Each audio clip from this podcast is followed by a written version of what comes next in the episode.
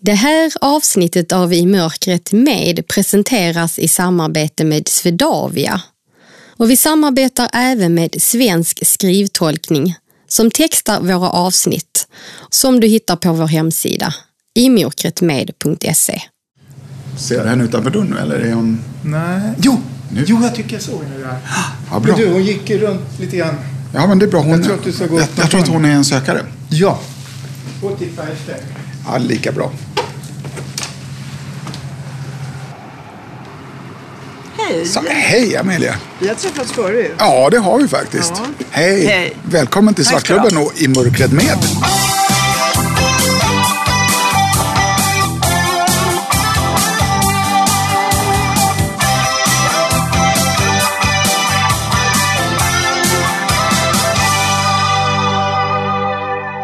Välkommen till I mörkret med. Jag som pratar heter Anna Bergholtz. Tack till våra samarbetspartners Svedavia och Svensk skrivtolkning. Och tack till alla er som lyssnar och hör av er. Vill du stötta vårt arbete med I mörkret med så gör oss gärna en tjänst och betygsätt oss där poddar finns eller på vår Facebook-sida. Och på vår Facebook-sida kan du också följa oss och få veta mer vad som händer mellan avsnitten. Nu till dagens gäst, en äkta powerkvinna som säger att en kvinna inte är riktigt fri förrän hon är ekonomiskt fri. Och pengar har varit en drivkraft efter att hon växte upp fattigt som barn. Hon blev senare Sveriges tidningsdrottning, ett epitet hon först rynkade på näsan åt. Vi pratar om allt det här, om hennes tidningar Amelia, Tara, M-magasin och om varför hon valt att vara så öppen med sitt liv. Vad hon ångrat och vi kommer även in på medias katastrofskildring, ålderism och framtiden. Och så får du veta varför hon med gedigen erfarenhet av att intervjua hyllar just intervjun i mörkret. Ulf Nordqvist bjuder på livemusik, ljudtekniker är Jan Dahlqvist.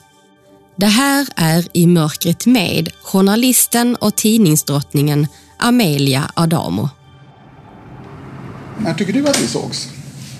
Det var det ute på eh, det här det ställe där ni också har en svartklubb. Mm. Sen så ännu tidigare såg jag när ni var på Regina, heter det väl då på den tiden. Mm. Spagettioperan.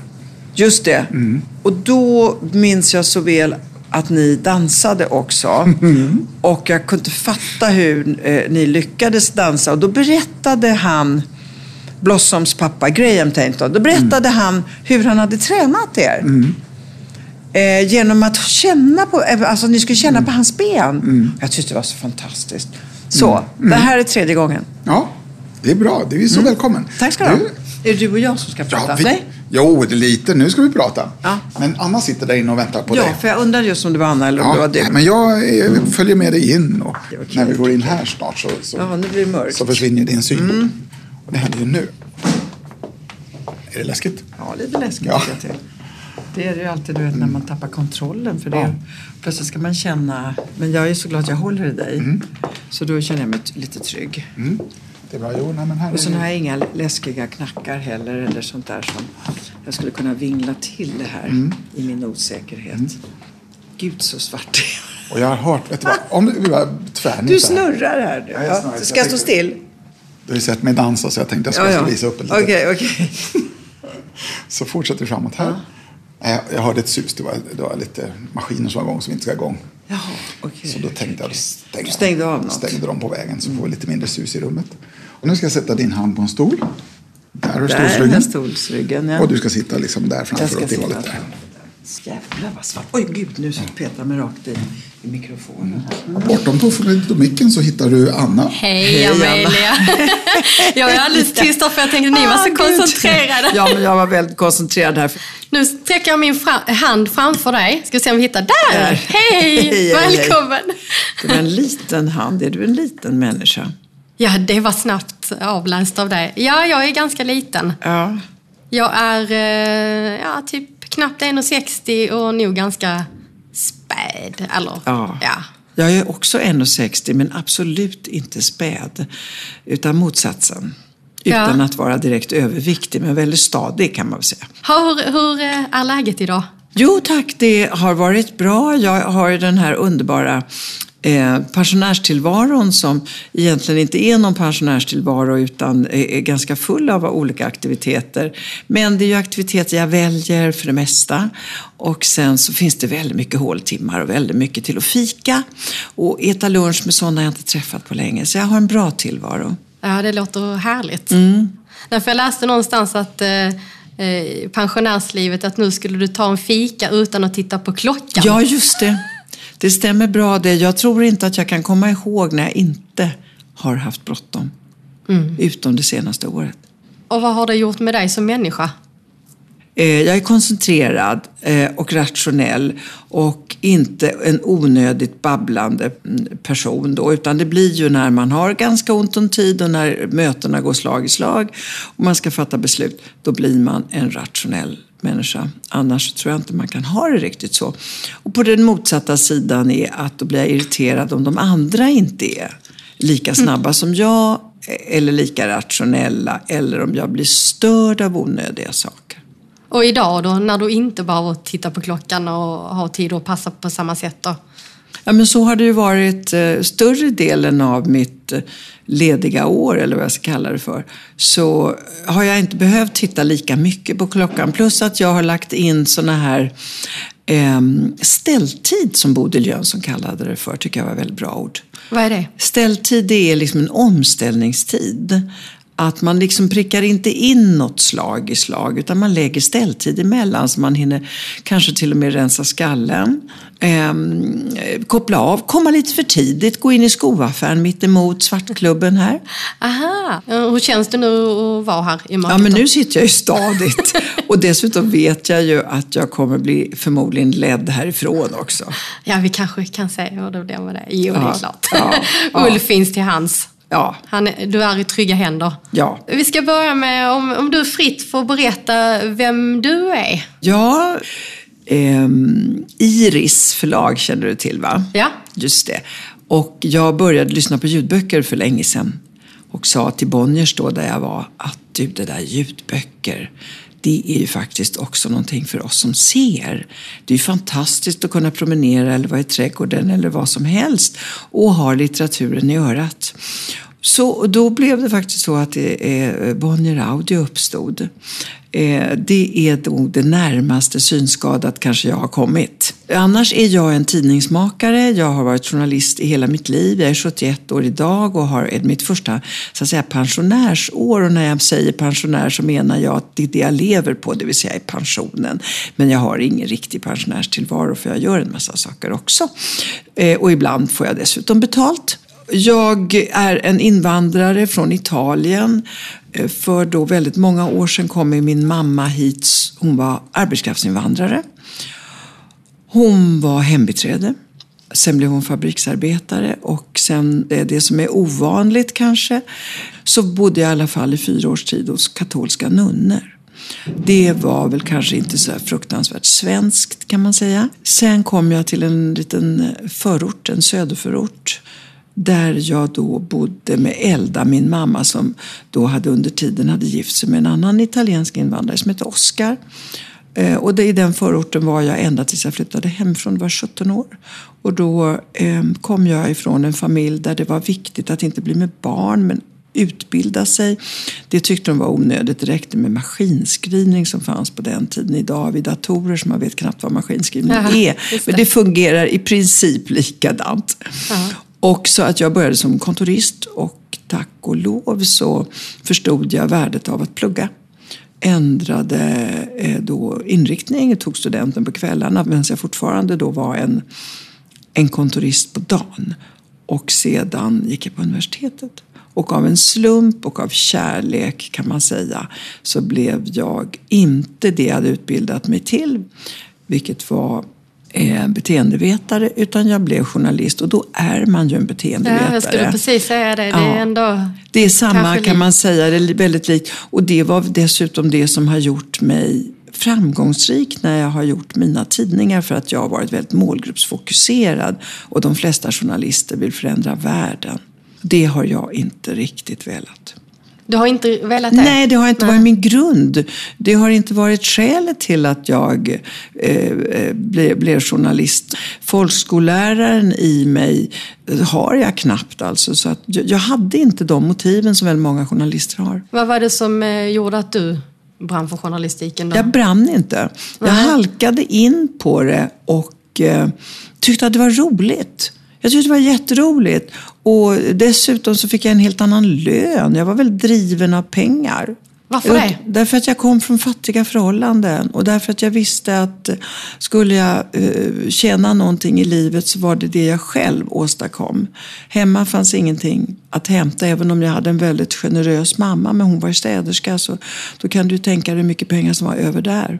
Men även om du drevs av pengar, eh, vad var det som eh, du tyckte var roligt med journalistiken då? Först och främst så var det ju roligt att träffa folk. Jag är väldigt eh, eh, socialt glad kan man säga. Tycker att det är skojigt. Sen var det ju väldigt roligt och att se också vad en intervju, eh, hur det blev i tidningen. Då ska man ju veta att jag var på Svensk Damtidning då i början. Och ehm, eh, där förändrar man inte direkt världen. Man kanske ger världen lite titt, lite skojsigt. Eh, men kanske inte sådär väldigt mycket annat. Så när jag sen flyttade till ett annat ställe, då kan jag säga då att mitt sociala patos som trots allt finns vid sidan av de här pengarna, fick större utlopp där. Och det var på en tidning som heter Husmodern och sen så har det fortsatt från till Veckorevyn och Aftonbladet och sen har jag då gjort mina kvinnotidningar. Där kan jag ju säga har jag ju drivits av också en lust att förändra som de andra journalisterna har och som jag kanske inte direkt hade. Jo, på Aftonbladet så kom det fram. Men jag tror att det mera har varit att jag har velat underhålla med ett allvar i. Du har ju ändå verkligen förändrats när du började på Aftonbladet och fick in ett helt nytt perspektiv i tidningen. Ja, mm. jo, det var ju kvinnorna som skulle in där. Och sen har jag ju haft någon slags eh, vad ska jag kalla för socialt patos. Jag brukar ju skryta med att jag tycker att det är jag som tog in Rosa bandet, bröstcancermedvetandet till Sverige. För vi var först i Amelia och jag visste vad Pink Ribbon var och det visste man inte då i Sverige. Ehm, så parallellt med att jag har publicerat väldigt mycket som handlar om kanske kvinnokroppen så har det också varit hemskt mycket mera som har handlat om om att löneförhandla eller veta din plats i tillvaron, att våga skiljas vid, vid 60. Att, att sjukvårdsbiträdena då på den tiden på Amelia skulle förstå att det kanske fanns skäl till att utbilda sig lite mer om man skulle ha en bättre lön och att alla måste pensionsspara. Ja. Där ungefär har väl då mitt stora engagemang legat i att en kvinna är inte fri om hon inte är ekonomiskt fri. Om jag skulle fråga dig när du trivs som fisken i vattnet? Ja, du, jag kan säga att det är väldigt olika. Det kan vara i bastun på Dalarö. Det kan vara när jag är med mina barnbarn. Och eh, det kan vara när jag ser något väldigt bra. Jag såg till exempel Ös Nöjen och Måns Möllers Världens historia och skrattade i princip i en timme och 40 minuter. Kan rekommenderas. Eh, så att det är lite olika. Jag gör dessutom också, jag älskar kalas. Du gör du? Ja. ja. Varför det? Ja, jag tycker det så kul. Jag tycker om att dricka vin. Ja. Eh, jag tycker att det är kul när folk kommer och är inställda på att nu ska vi faktiskt ha roligt.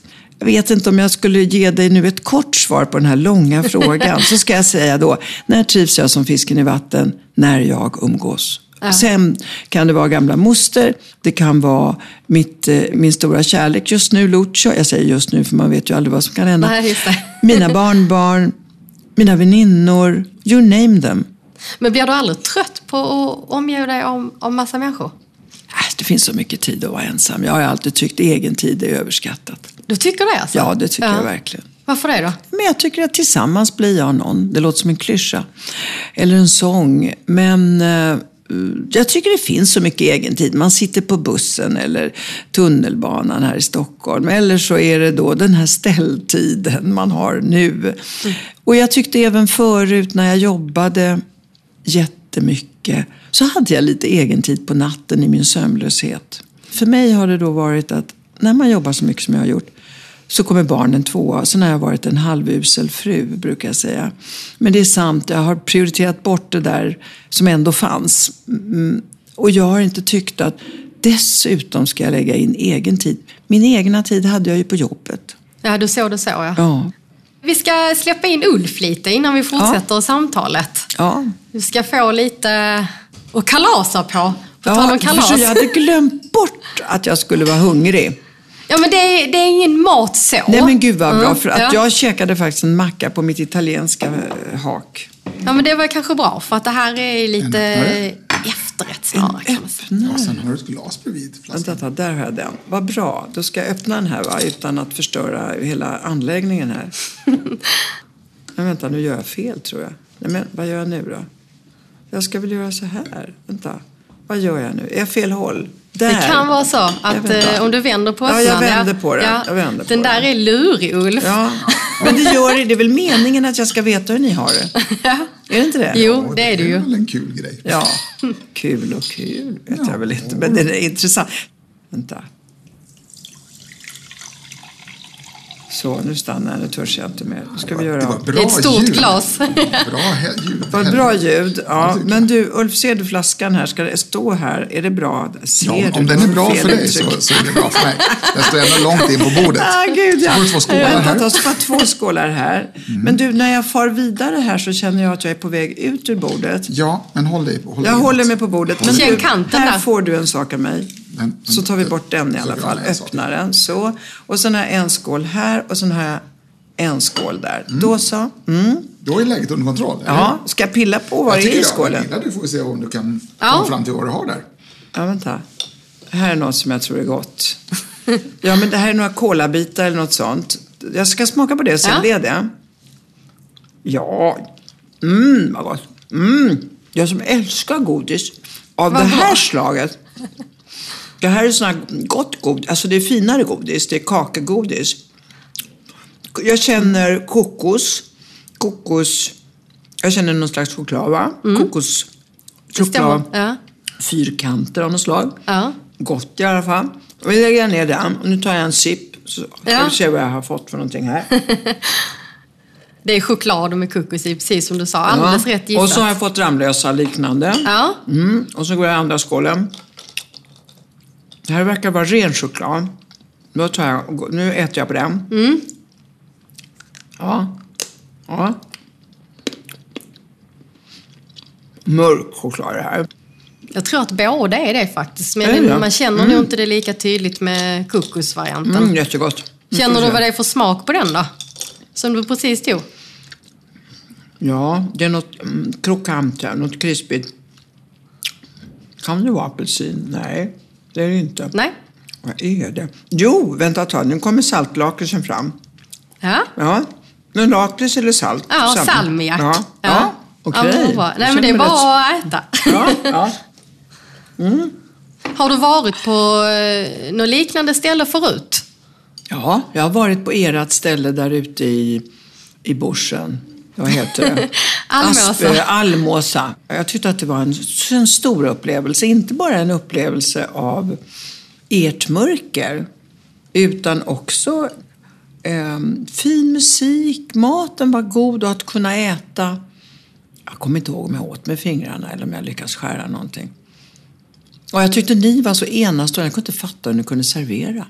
Nej, jag, jag serverar ju inte. Jag är ju bara här och gör podden. Ja. Men Ulf är ju van vid både att servera Ja. och eh, musicera. Och frågan är om inte du ska musicera lite nu? Ja, kanske? det kan jag göra. Jag tänkte bara berätta att jag, jag var ju med den kvällen när du var där ute och, och sen dess så har jag ju startat eget här inne i stan. Då, då.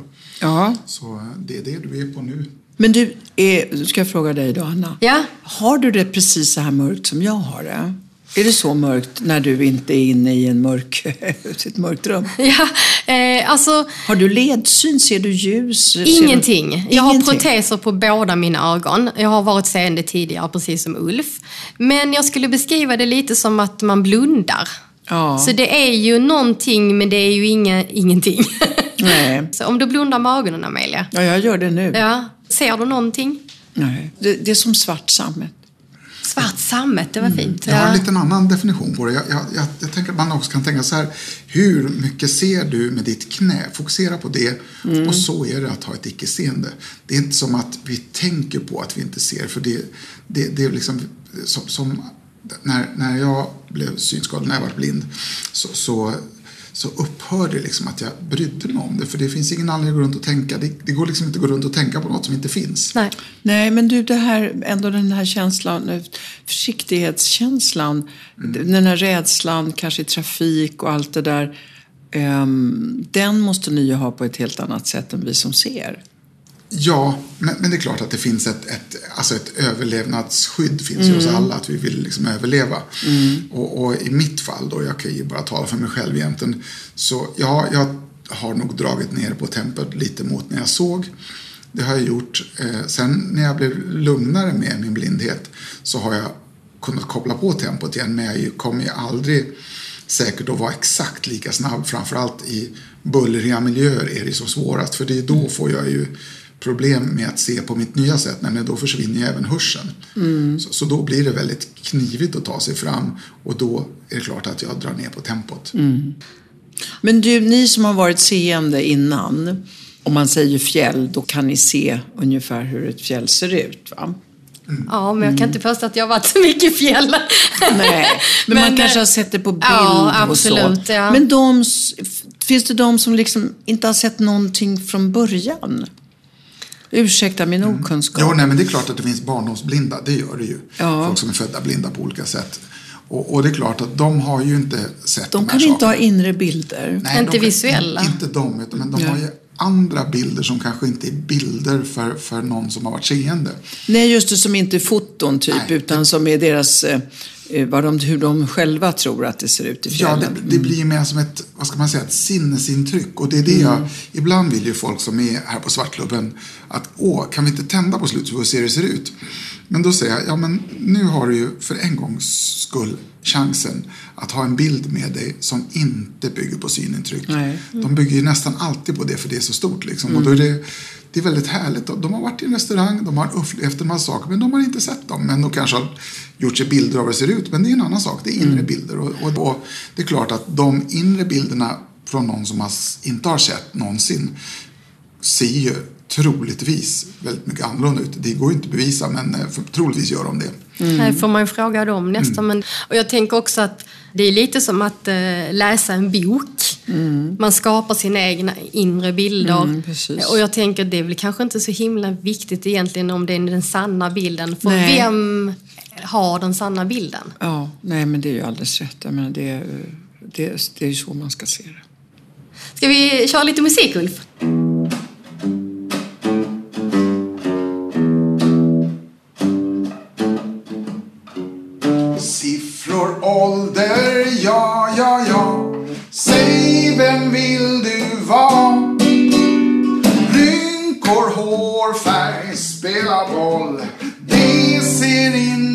Jag. Ålder är en lustig grej. Kan göra människan knäpp. Skavankerna som livet gett ser jag inte med min käpp. Vilken tur du har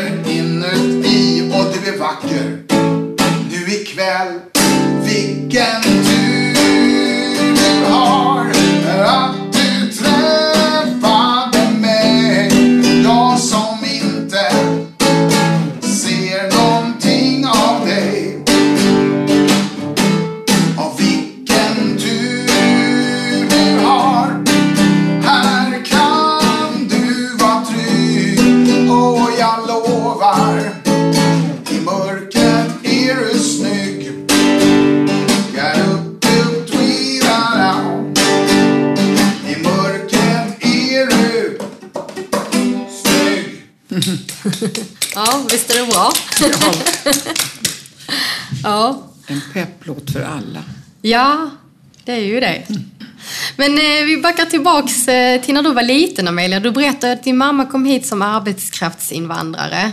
Men hur kommer det sig att hon kom till just Sverige?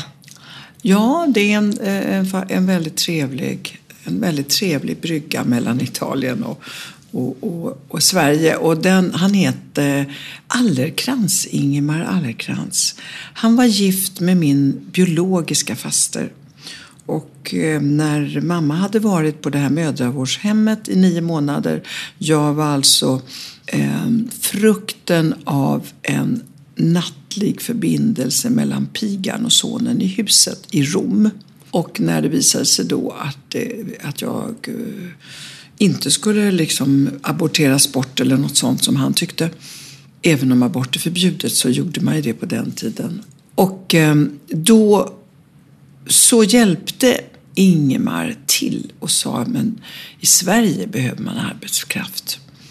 Och hembiträden var det lite ont om då. De kom företrädesvis från Tyskland. Här kom nu ett italienskt hembiträde med en bebis, vilket hedrar Sverige. Ja, hur gick det, tänker jag? Du var nio månader gammal. Ja, hon du, jobbade samtidigt. Ja, mamma jobbade ju i en familj Ja. Där det fanns ett barn till. Hon skulle ju passa det barnet och då spelade det inte så stor roll om hon hade med sig en som var nio månader när hon passade en ettåring. Där var hon i drygt ett år. Där bara klia med henne. Eh, man blir ju väldigt medveten om olika saker i det här mörkret. hörru. Jag tycker jag Är det sant? Ja, plötsligt börjar det klia och ja, jag blir så här kroppsmedveten. Ja, skitsamma. I alla fall så, nästa familj hade inga barn. Men de var äldre och de tyckte det var lite roligt. Jag kom in i den familjen när jag var runt två år och stannade där till ungefär, jag var sex år. Och pappan i huset som var bankdirektör, han byggde en sandlåda till mig, mamma och jag. Vi bodde i en jungfrukammare och jag har frågat mamma jättemånga gånger. Men du, när du till exempel serverade på kvällen, för de hade representationsmiddagar. Hur, vad, vad gjorde jag då? Nej, men du var instängd i rummet och lekte med knappar. Jag kommer så väl ihåg det, för jag tänkte knappar. Jag kunde ju ha svalt dem. Jag kunde ju, var inte det farligt? För mamma hade ett stort syskrin med massor med knappar som jag tyckte var roligt uppenbarligen. Nej, det gick bra. Det kanske är så att barn förstår någon slags gränser. Jag låg inte och skrek där i det där rummet så att jag störde mamma när hon serverade. På dagarna var jag med henne. Det var väl, jag tror att ens, man inrättar sig i, i de begränsningar man har. Minns du något själv från den tiden? Alltså jag minns hur jag väntade på farbror Filip som han hette. När han kom. På lördag var det nog. Då satt jag där. Jag kunde sitta jättelänge och vänta på honom för han hade en godispåse med sig. Jag har bara positiva minnen. Jag kommer också ihåg tant Lisa.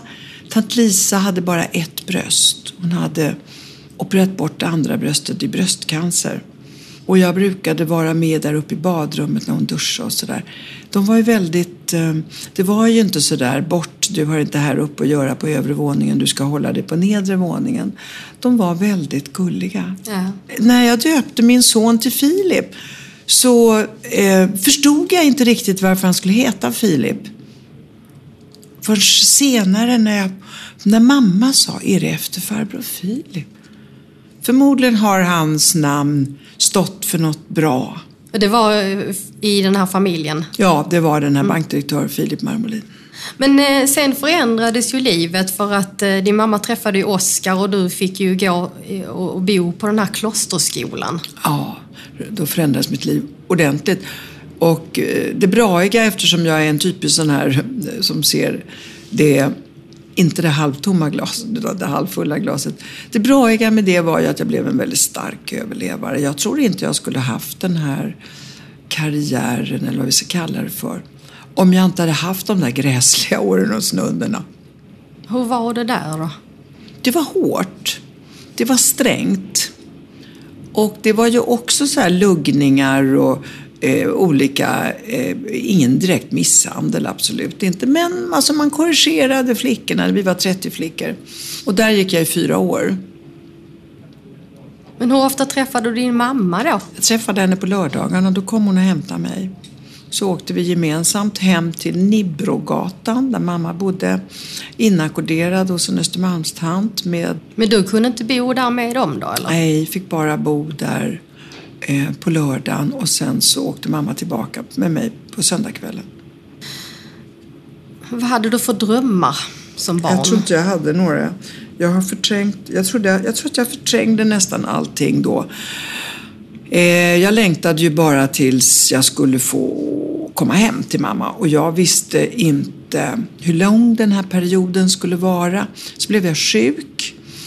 Mina ögon blev alldeles gula, jag fick någon leverskada. Detta var porten till befrielsen. För att när jag kom då till sjukhuset så sa doktorn så småningom till min mamma det är nog inget större fel på dottern men jag tror inte hon ska vara på den där eh, nunneinternatskolan, sa doktorn och var lite bekymrad. Jag tror inte hon mår bra där. Och då sa mamma, jag får inte ha henne hemma för vi har ingenstans att bo. Och då fick hon förtur i bostadskön.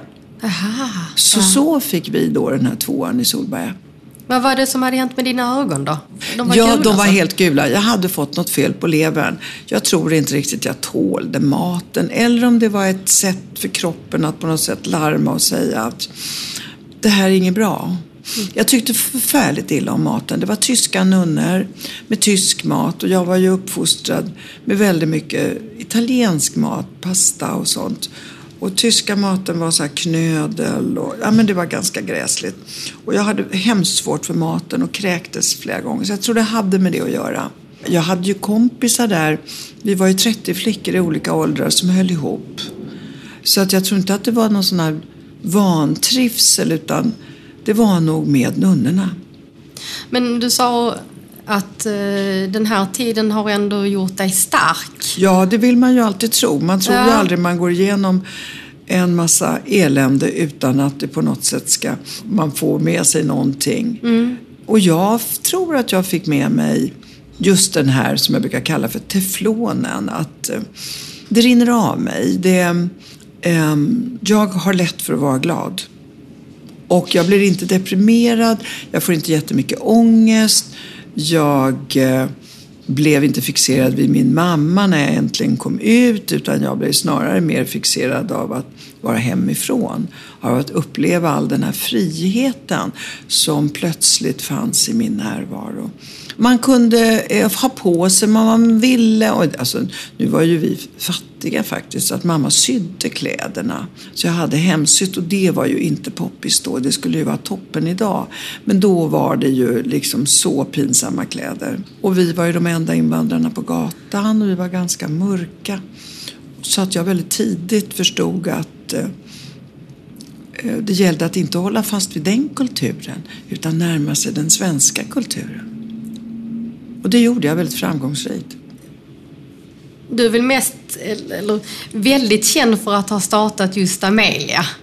Ja. Ja, och idag skulle jag nog säga att M-magasin 50 plus-tidningen som snarare är 60. Där satte jag mig själv på omslaget och har gjort 150 omslag. Så för den gruppen är jag mer identifierad.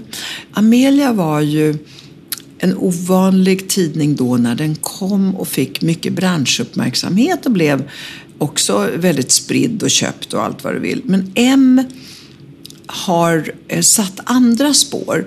Och det har väl gjort att jag har mer blivit synligare och sen har jag då engagerat mig ganska mycket i ålderism, det vill säga att vi ska vara sämre för vi är äldre. Det har jag ju varit eh, kämpat emot.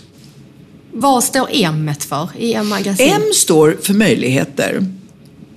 Det var ju en grupp kvinnor 55 plus, säger vi då. Icke önskvärd på marknaden, inte särskilt önskvärd på kärleksmarknaden heller, inte bara på arbetsmarknaden. En eh, grupp som ingen egentligen brydde sig om. De enda som brydde sig om den här gruppen var ju möjligtvis hälsokostaffärerna. Eh, det var en icke synlig grupp och det jag eh, gjorde då det var att jag ville visa dem vilka möjligheter som ändå finns kvar. Jag menar, för de flesta 55-åringar har man ju 30 år till. Så att jag hade en mission, M som i mission.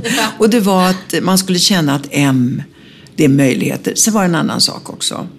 att det är M som är mappisar. Och det kom sig av att när man skulle lansera en kommersiell tidning som inte har understöd någonstans utan som helt enkelt ska säljas och köpas.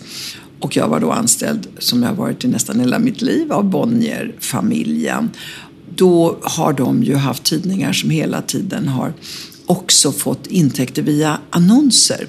Och eftersom 50 plus i princip luktade lik på den tiden, så mm, det är bara 12 år sedan, men det har faktiskt ändrats en liten grann, eh, så visste vi att vi kan inte också få intäkter via annons, utan vi måste så att säga eh, basera oss på volym och så måste vi göra den här produkten lite sexig då kan man inte kalla det för seniorer eller veteraner eller pumer. Alltså var vi tvungna att etikettera den här målgruppen som jag såg framför mig, de som inte ville läsa Hemmets Journal året runt. Jag tyckte att det fanns ett hål på marknaden som vi inte skulle kalla för seniorer. Alltså var vi tvungna att hitta ett uttryck för den här gruppen och då kom min medarbetare då, Claes, han kom på vi som först var hippies och sen blev vi jappis. Nu är vi mappis. Och jag frågade honom, vad är det då? Jo, men det är mogna, attraktiva pionjärpersoner. Där finns ett M också med. Men om man ska vara riktigt, riktigt ärlig. När vi valde bokstav, då tänkte vi snarare på vilket är världens vackraste ord och vad börjar det för bokstav? Och Anna, du kanske vet vilket som anses vara världens vackraste ord? Vet inte om du är en sån, men mamma. Ja, alltså jag tänkte på det för jag är ju väldigt nära min mamma. Ja, mamma. Ja. Och sen om du tänker på när du sätter ihop läpparna och säger M, känn, känn efter hur mamma, mamma ja. så känner du att det är lite skönt. Mm. Så allt det här finns i hemmet. Så mappis, möjligheter och mamma. Ja, och sen om jag själv ska göra lite eget avtryck så hette jag Mucci när jag kom till Sverige ända tills jag var 15 år. Det, ja. Amelia Mucci. Men för det är ju tre tidningar då. Amelia, Tara och M-magasin Tara då. Så här var det eh, kort. Först kom Amelia. Mm. Sex år senare så var det många som gnölade och sa, nej men ni tar aldrig upp klimakteriet och ni tar inte upp hur det blir sen när man inte tycker någon visslar efter en eller när man inte är så önskvärd på arbetsmarknaden. Och då tänkte vi då så här, okej, okay, de ska få en egen tidning, vi ska inte blanda in dem i Amelia, för Amelia är 30-åringens tidning. Då gjorde vi Tara och då var det ganska enkelt, då sa vi här är mens i Amelia och östrogen i Tara, typ. Så jag tyckte att det var tre faser i kvinnors liv som hängde ihop och som var ganska skilda. Amelia-fasen som är familjefas, småbarn, mamma, mamma hela tiden. Eh, och sen så kommer Tara-åldern när barnen plötsligt får ben, kan själva ta sig till fotbollen eller vart de ska. Och eh, man upptäcker det här livet utanför hemmet. Och sedan så kommer man in i M-åldern eh, som jag då har kunskap om väldigt mycket. Då vill man tillbaka på något sätt lite in i familjen. Och hälsan. Hur ska jag orka? De här benen måste orka. Jag vill inte bli för tjock. Räcker mina pengar? Mina gamla föräldrar. Ska jag nu ta hand om dem när jag precis har fått barnbarn? Mm. Det är tre olika faser i kvinnors liv och jag tyckte det var väldigt roligt att få göra eh, tidningar som bygger på identifikation. Ja, det har ju uppenbarligen funkat. Ja.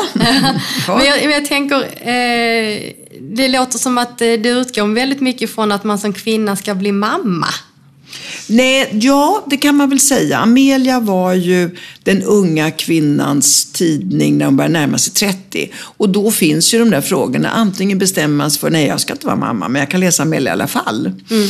Eller ja, jag kanske, jag vill bli mamma. Eller oh ja, jag blir inte mamma fast jag försöker. Så att, så att säga, själva tanken på eh, konstellationen mor-barn finns ändå där.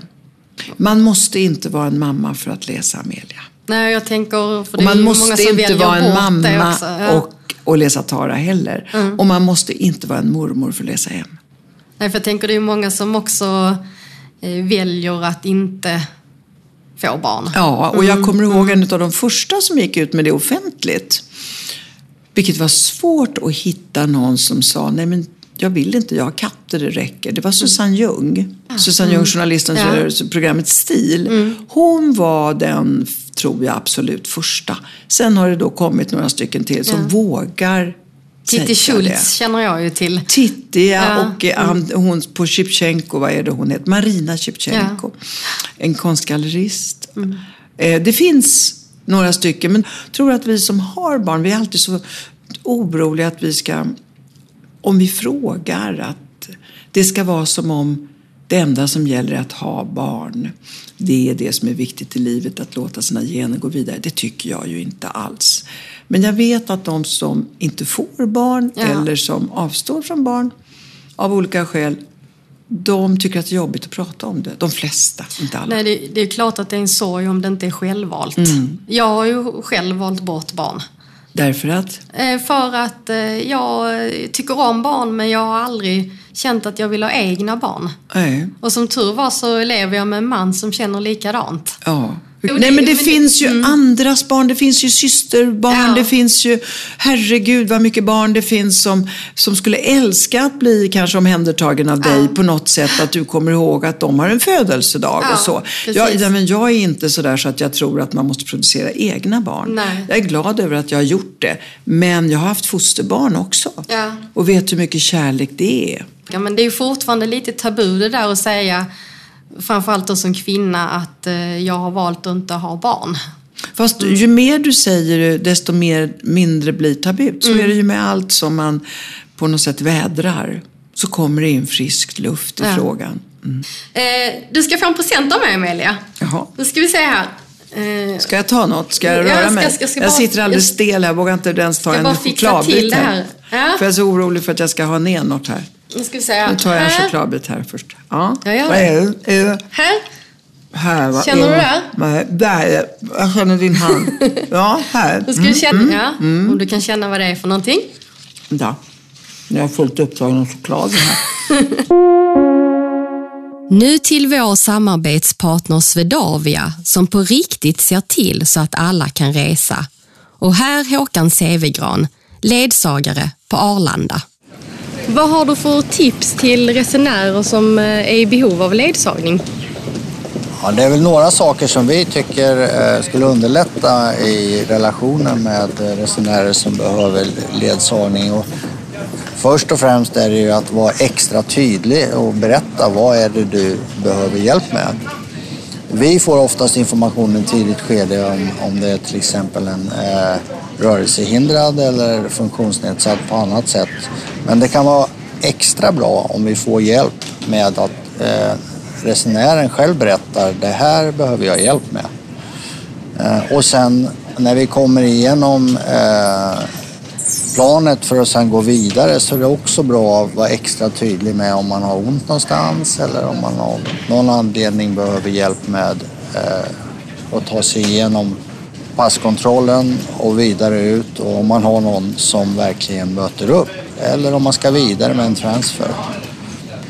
Och sen vid bagagebandet så, så är det ju som sagt var jättebra då om vi får exakt hur väskan ser ut, hur många väskor det är och om det finns några speciella eh, föremål som kommer på specialbagagebandet. Till exempel en rullstol eller om det kan vara något annat. Då.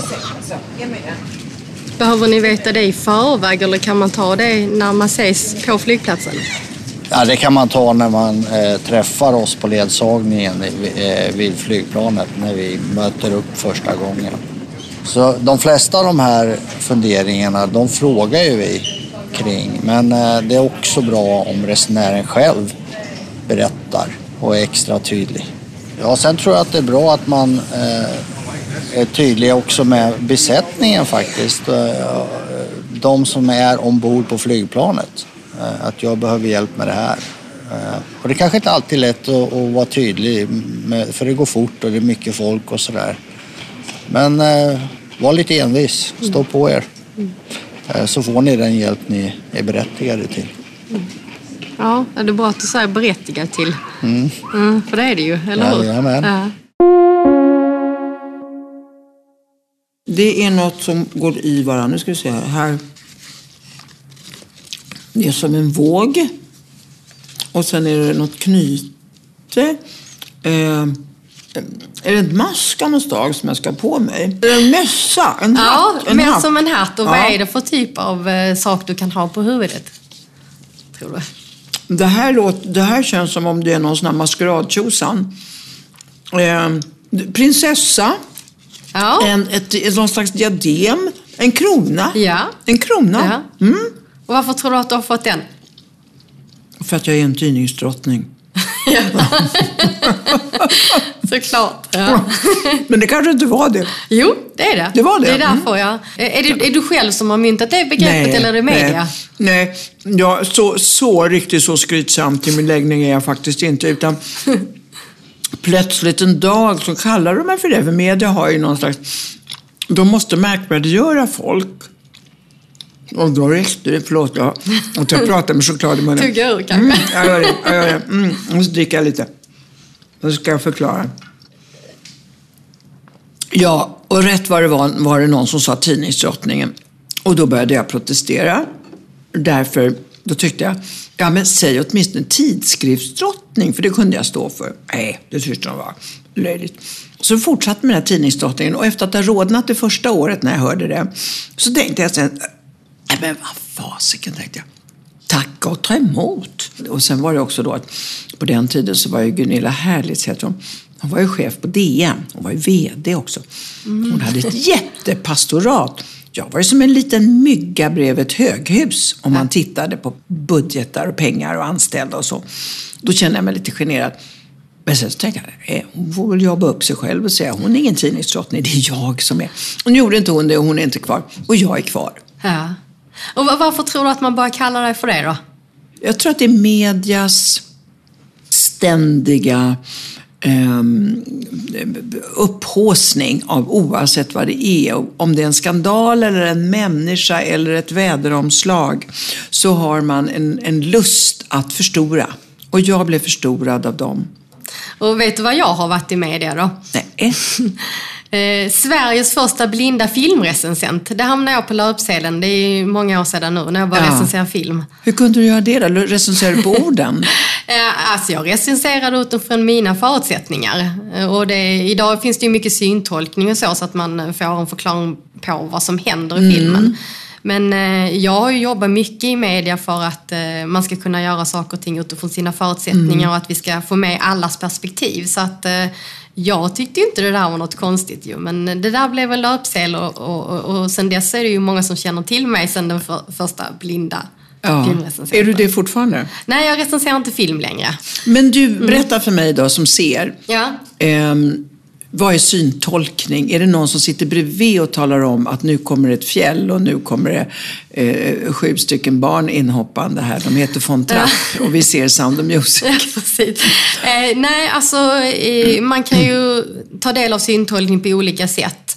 Eh, det kan vara digitalt, att du i din mobiltelefon har en app där du har ett ljudspår som eh, är syntolkat. Ja, förinspelat. syntolkat är alltså någon berättar vad du inte ser. Ja, och det gör de under tiden som det är tyst i filmen. Så att om det är en väldigt babblig italiensk film blir det problem då?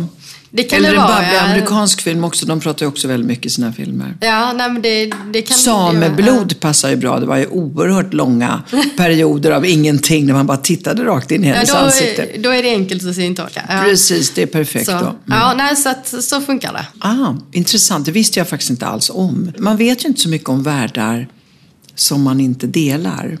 Nej, och där tänkte jag faktiskt fråga dig, alltså hur bra tycker du med det på att skildra allas perspektiv? Jag tänker till exempel perspektiv då när man har en funktionsnedsättning. Alltså jag tycker att media är, i sådana fall är väldigt bra på att skildra alla eländes perspektiv. Men kanske inte en sån här sak hur ni kan gå på bio. Det tycker jag skulle vara trevligt. Ja. Eller hur man liksom lever med funktionsnedsättning så att det är kul och bra. Och vad det är som funkar och inte bara nej, nu har de åkt färdtjänst för mycket.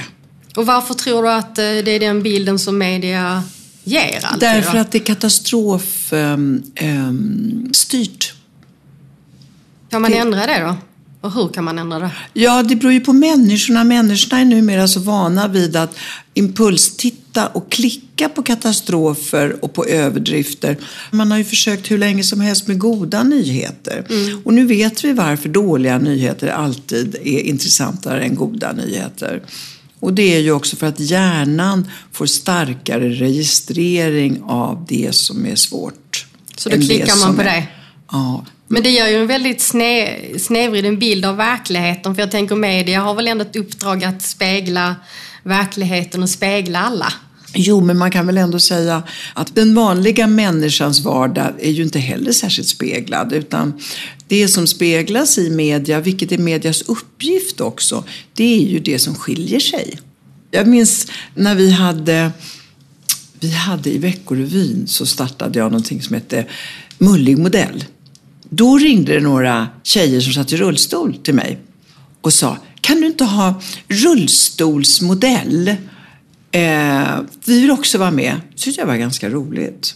Ganska bra. Och eh, vi gjorde bilder utifrån det. Amelia har vi då tagit upp en hel del udda eh, delar av livet kan man säga. Där funktionsnedsättning definitivt har funnits. Men man får ju passa så att det inte blir freakshow.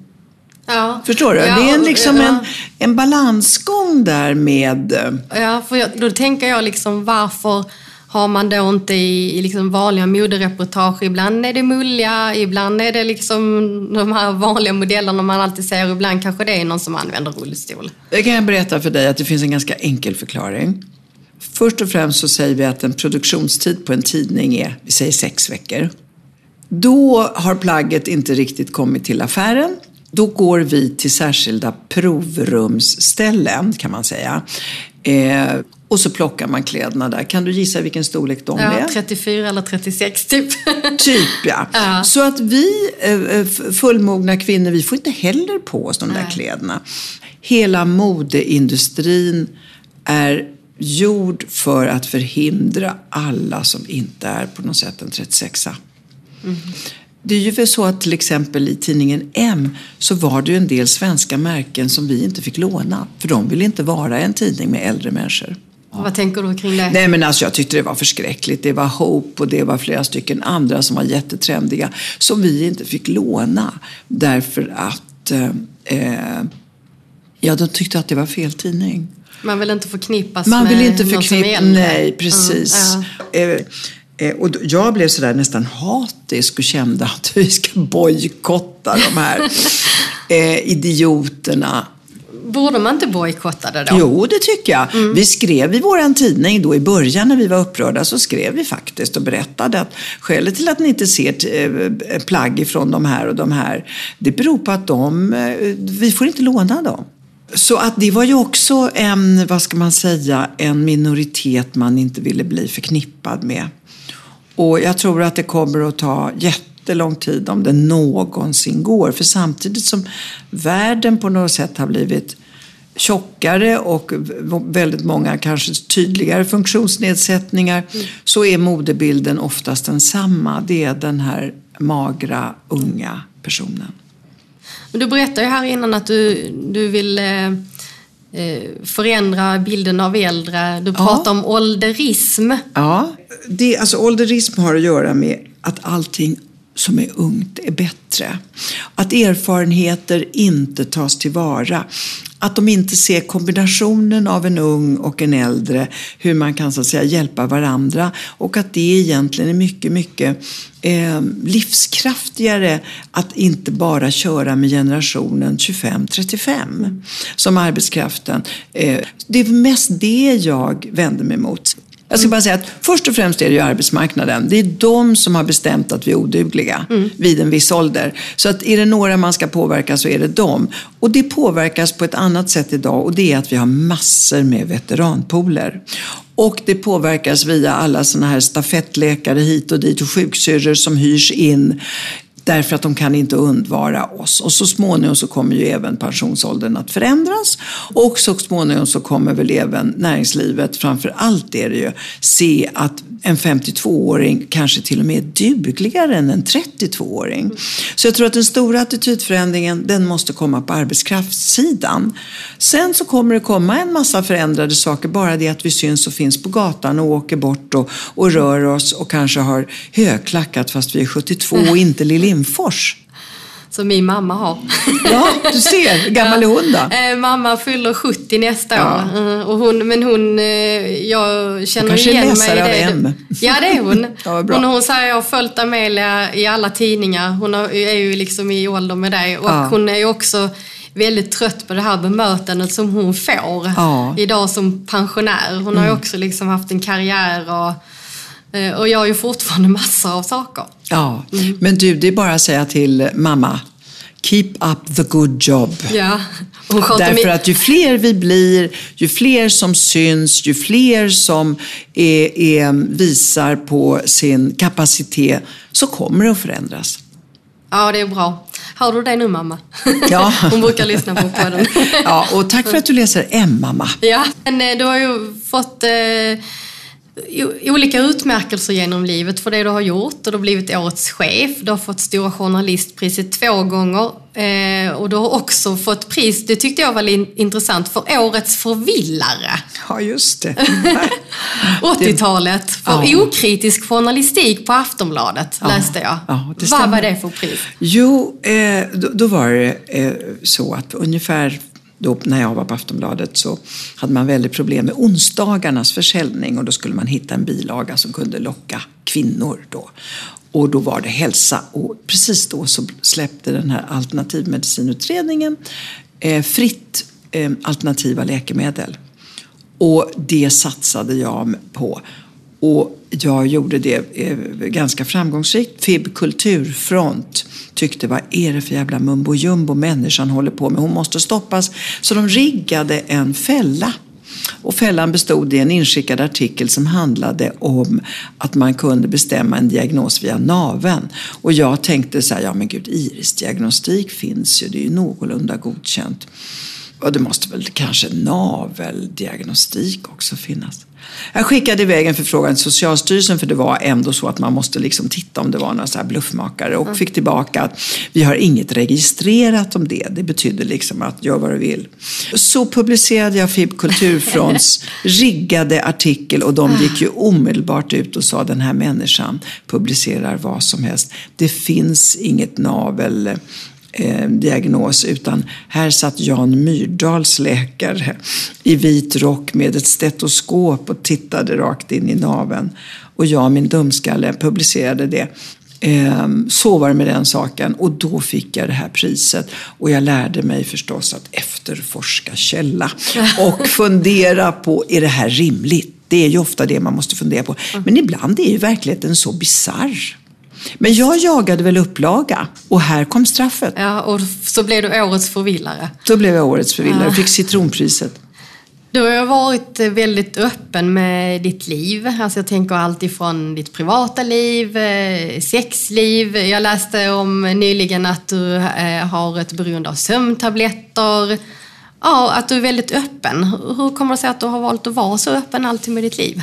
Jag tror att det är två orsaker. Det ena är att jag kommer från en annan, jag kommer en öppen kultur. Min mamma sa så väldigt bra till mig. Hon sa så här, Amelia, i Sverige så säger de mitt hem är min borg. Hon pratade inte så bra svenska, men i princip var det så här. Italien är vårt hem, vår terrass. Allting är mycket synligare, man döljer ingenting, det finns ingen jante. Det är inte så att man är två personer, det vill säga en utåt och en inåt. Det är den första grejen. Den andra grejen är att jag har ju le- levt med en journalistik som hela tiden vill att du, Anna, ska berätta hur det känns när man är 25 år och inte ser. Eh, då så tycker jag att om jag hela tiden ska få folk att beskriva saker som kanske är privata men som ändå har en bäring att man beskriver dem då vill jag också göra det. Och i somliga fall är det liksom planerat för att jag tycker att, som med sex till exempel, där har jag tyckt att det har varit viktigt att man pratar om det. Eller mina inkomster, därför att man alltid hyschat om det. Och Ehm, eh, jag har varit stolt över att vara kvinna och tjäna så pass bra. Och jag har inte velat gömma det. Så det finns ju olika grejer varför man är öppen. Sömntabletten, det berättade jag för att berätta då liksom att det är ju inte så att bara för att man har en ordentlig inkomst och ett framgångsrikt eh, eh jobb att man inte har bekymmer. Eh, så det finns ju olika motiv varför jag är privat. Men har du någon gång ångrat att du har varit så privat som du är? I början så var det ju flera förståsigpåare som sa till mig att jag urholkar min själ. Och sen upptäckte jag så småningom att nej, men jag tycker inte att jag har urholkat min själ.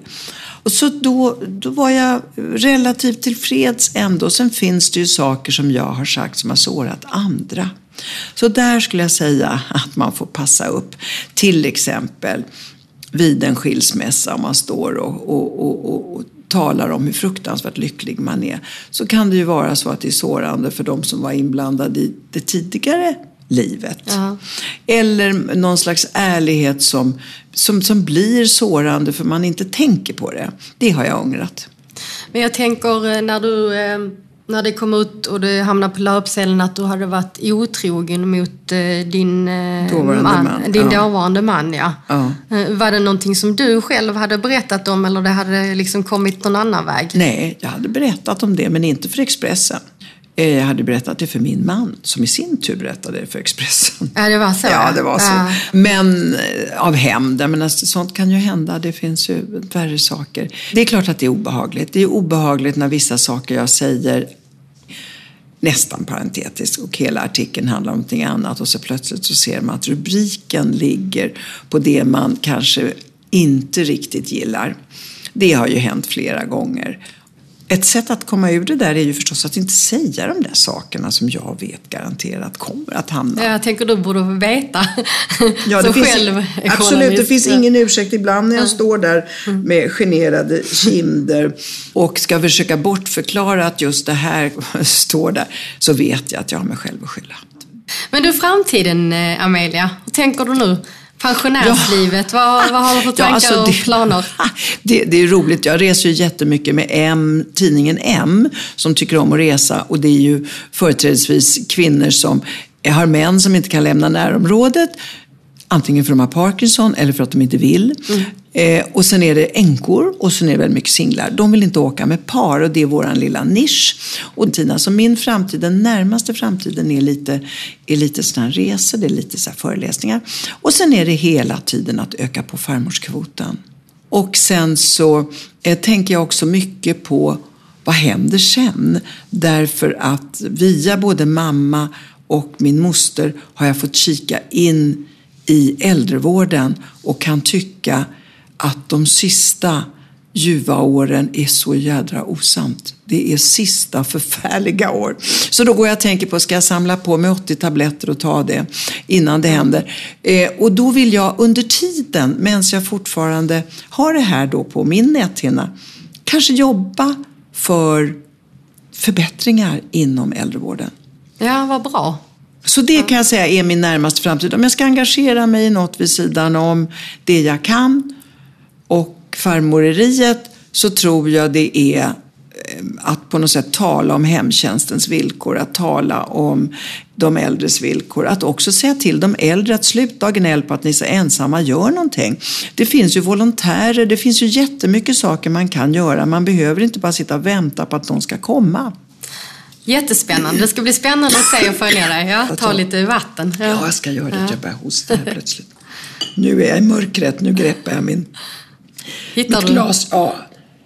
Hur känns det nu då? Jag talar ju om det som ligger nära mitt hjärta. Du frågar bra saker.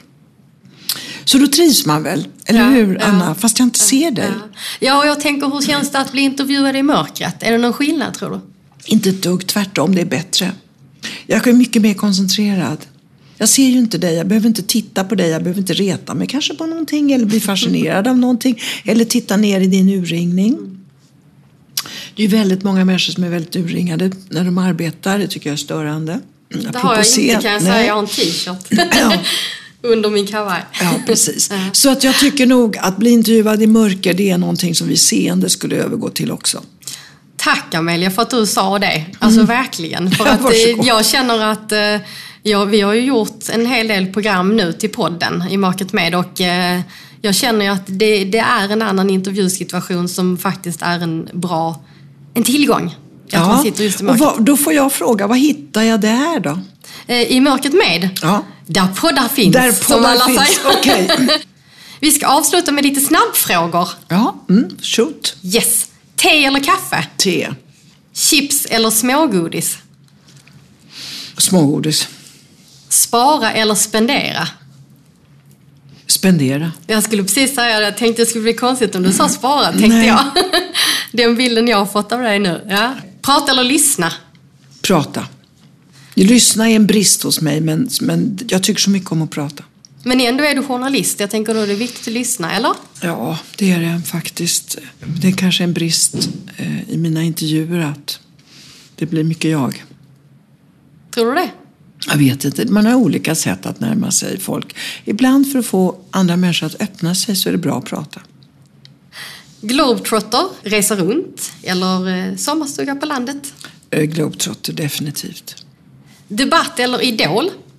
Debatt. Kött eller vegetariskt? Eh, ja, det var lite svårt, men jag tror att jag skulle kunna avstå från kött, så jag säger vegetariskt. Barn eller vuxna? Vuxna. Katt eller hund? Katt. Skriva eller läsa? Läsa. Händig eller tummen mitt i handen? Tummen mitt i handen. Och sista, ljus eller mörker? Självklart då ljus eftersom eh, det är svårt med mörker. Det är farligt med mörker kan jag ju tycka som är seende. Så att det är klart att för mig är ljus jätteviktigt. Vad är farligt med mörkret? Allt möjligt kan hända. Man är ju, eh, man är ju van vid att eh, allt som är svart är farligt på något sätt. Och då är frågan, är det det egentligen? Nej, det är det nog inte. Och för er som lever i mörker, eller i ert mörker, så vet ni ju mer än jag. Hur farligt är det? Men för en, för, för en, för en ljus person, eller jag på säga, för en person i ljus, så är ju mörkret ändå natten. Det är ju ändå eh, saker man inte ser. Vi, vi som ser förlorar kontrollen. Och då blir det farligt. Som vi tror. Vår fantasi gör mörkret farligt. Du ska få skriva en eh, liten eh, signatur. I mörkret? vår, ja. Okej. I vår gästbok. Har du den här bland Ja. alla eh, chokladgrejer och, eh, där. och tidningshattar och vad det nu är? Ska du- jag ta din hand där? Där, Så hittar du- Nej, hittar nu tog jag mikrofonen. Vad är du då? där, där, har du en penna. Ja. Och så känner du framför dig, har du en bok? Känner du det? Framför mig? Nej, där känner jag bara chokladskålar. Lite längre fram på bordet tror jag. Längre mot dig? Ja, Där. mot mig. Jag Där, hittar va? den. Jag hittar Ja. den. Mm. Är, är, är pennan på? Känn Ja, om spetsen är ute. jag ska göra det. Ja, det tror jag. Jo, det är den. Mm. Ja. Vad ska jag skriva? Då skriver jag... Jag ska börja med att jag skriver ditt namn. Anna, ska vi se om jag klarar det. Anna. I mörkret.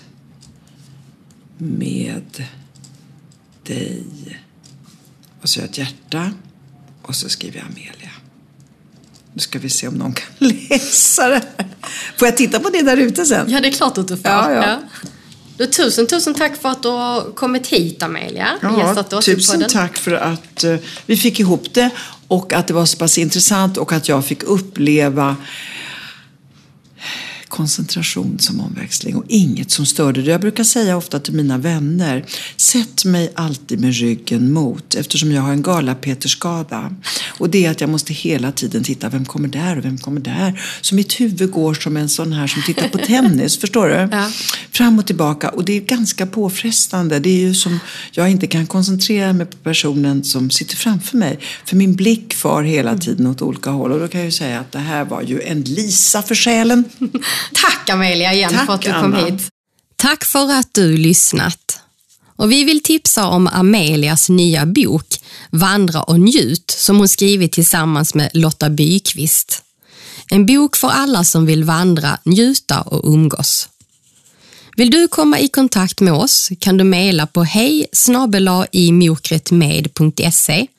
Vi har också en Facebook-sida och hemsida imokretmed.se. Vi hörs igen om två veckor.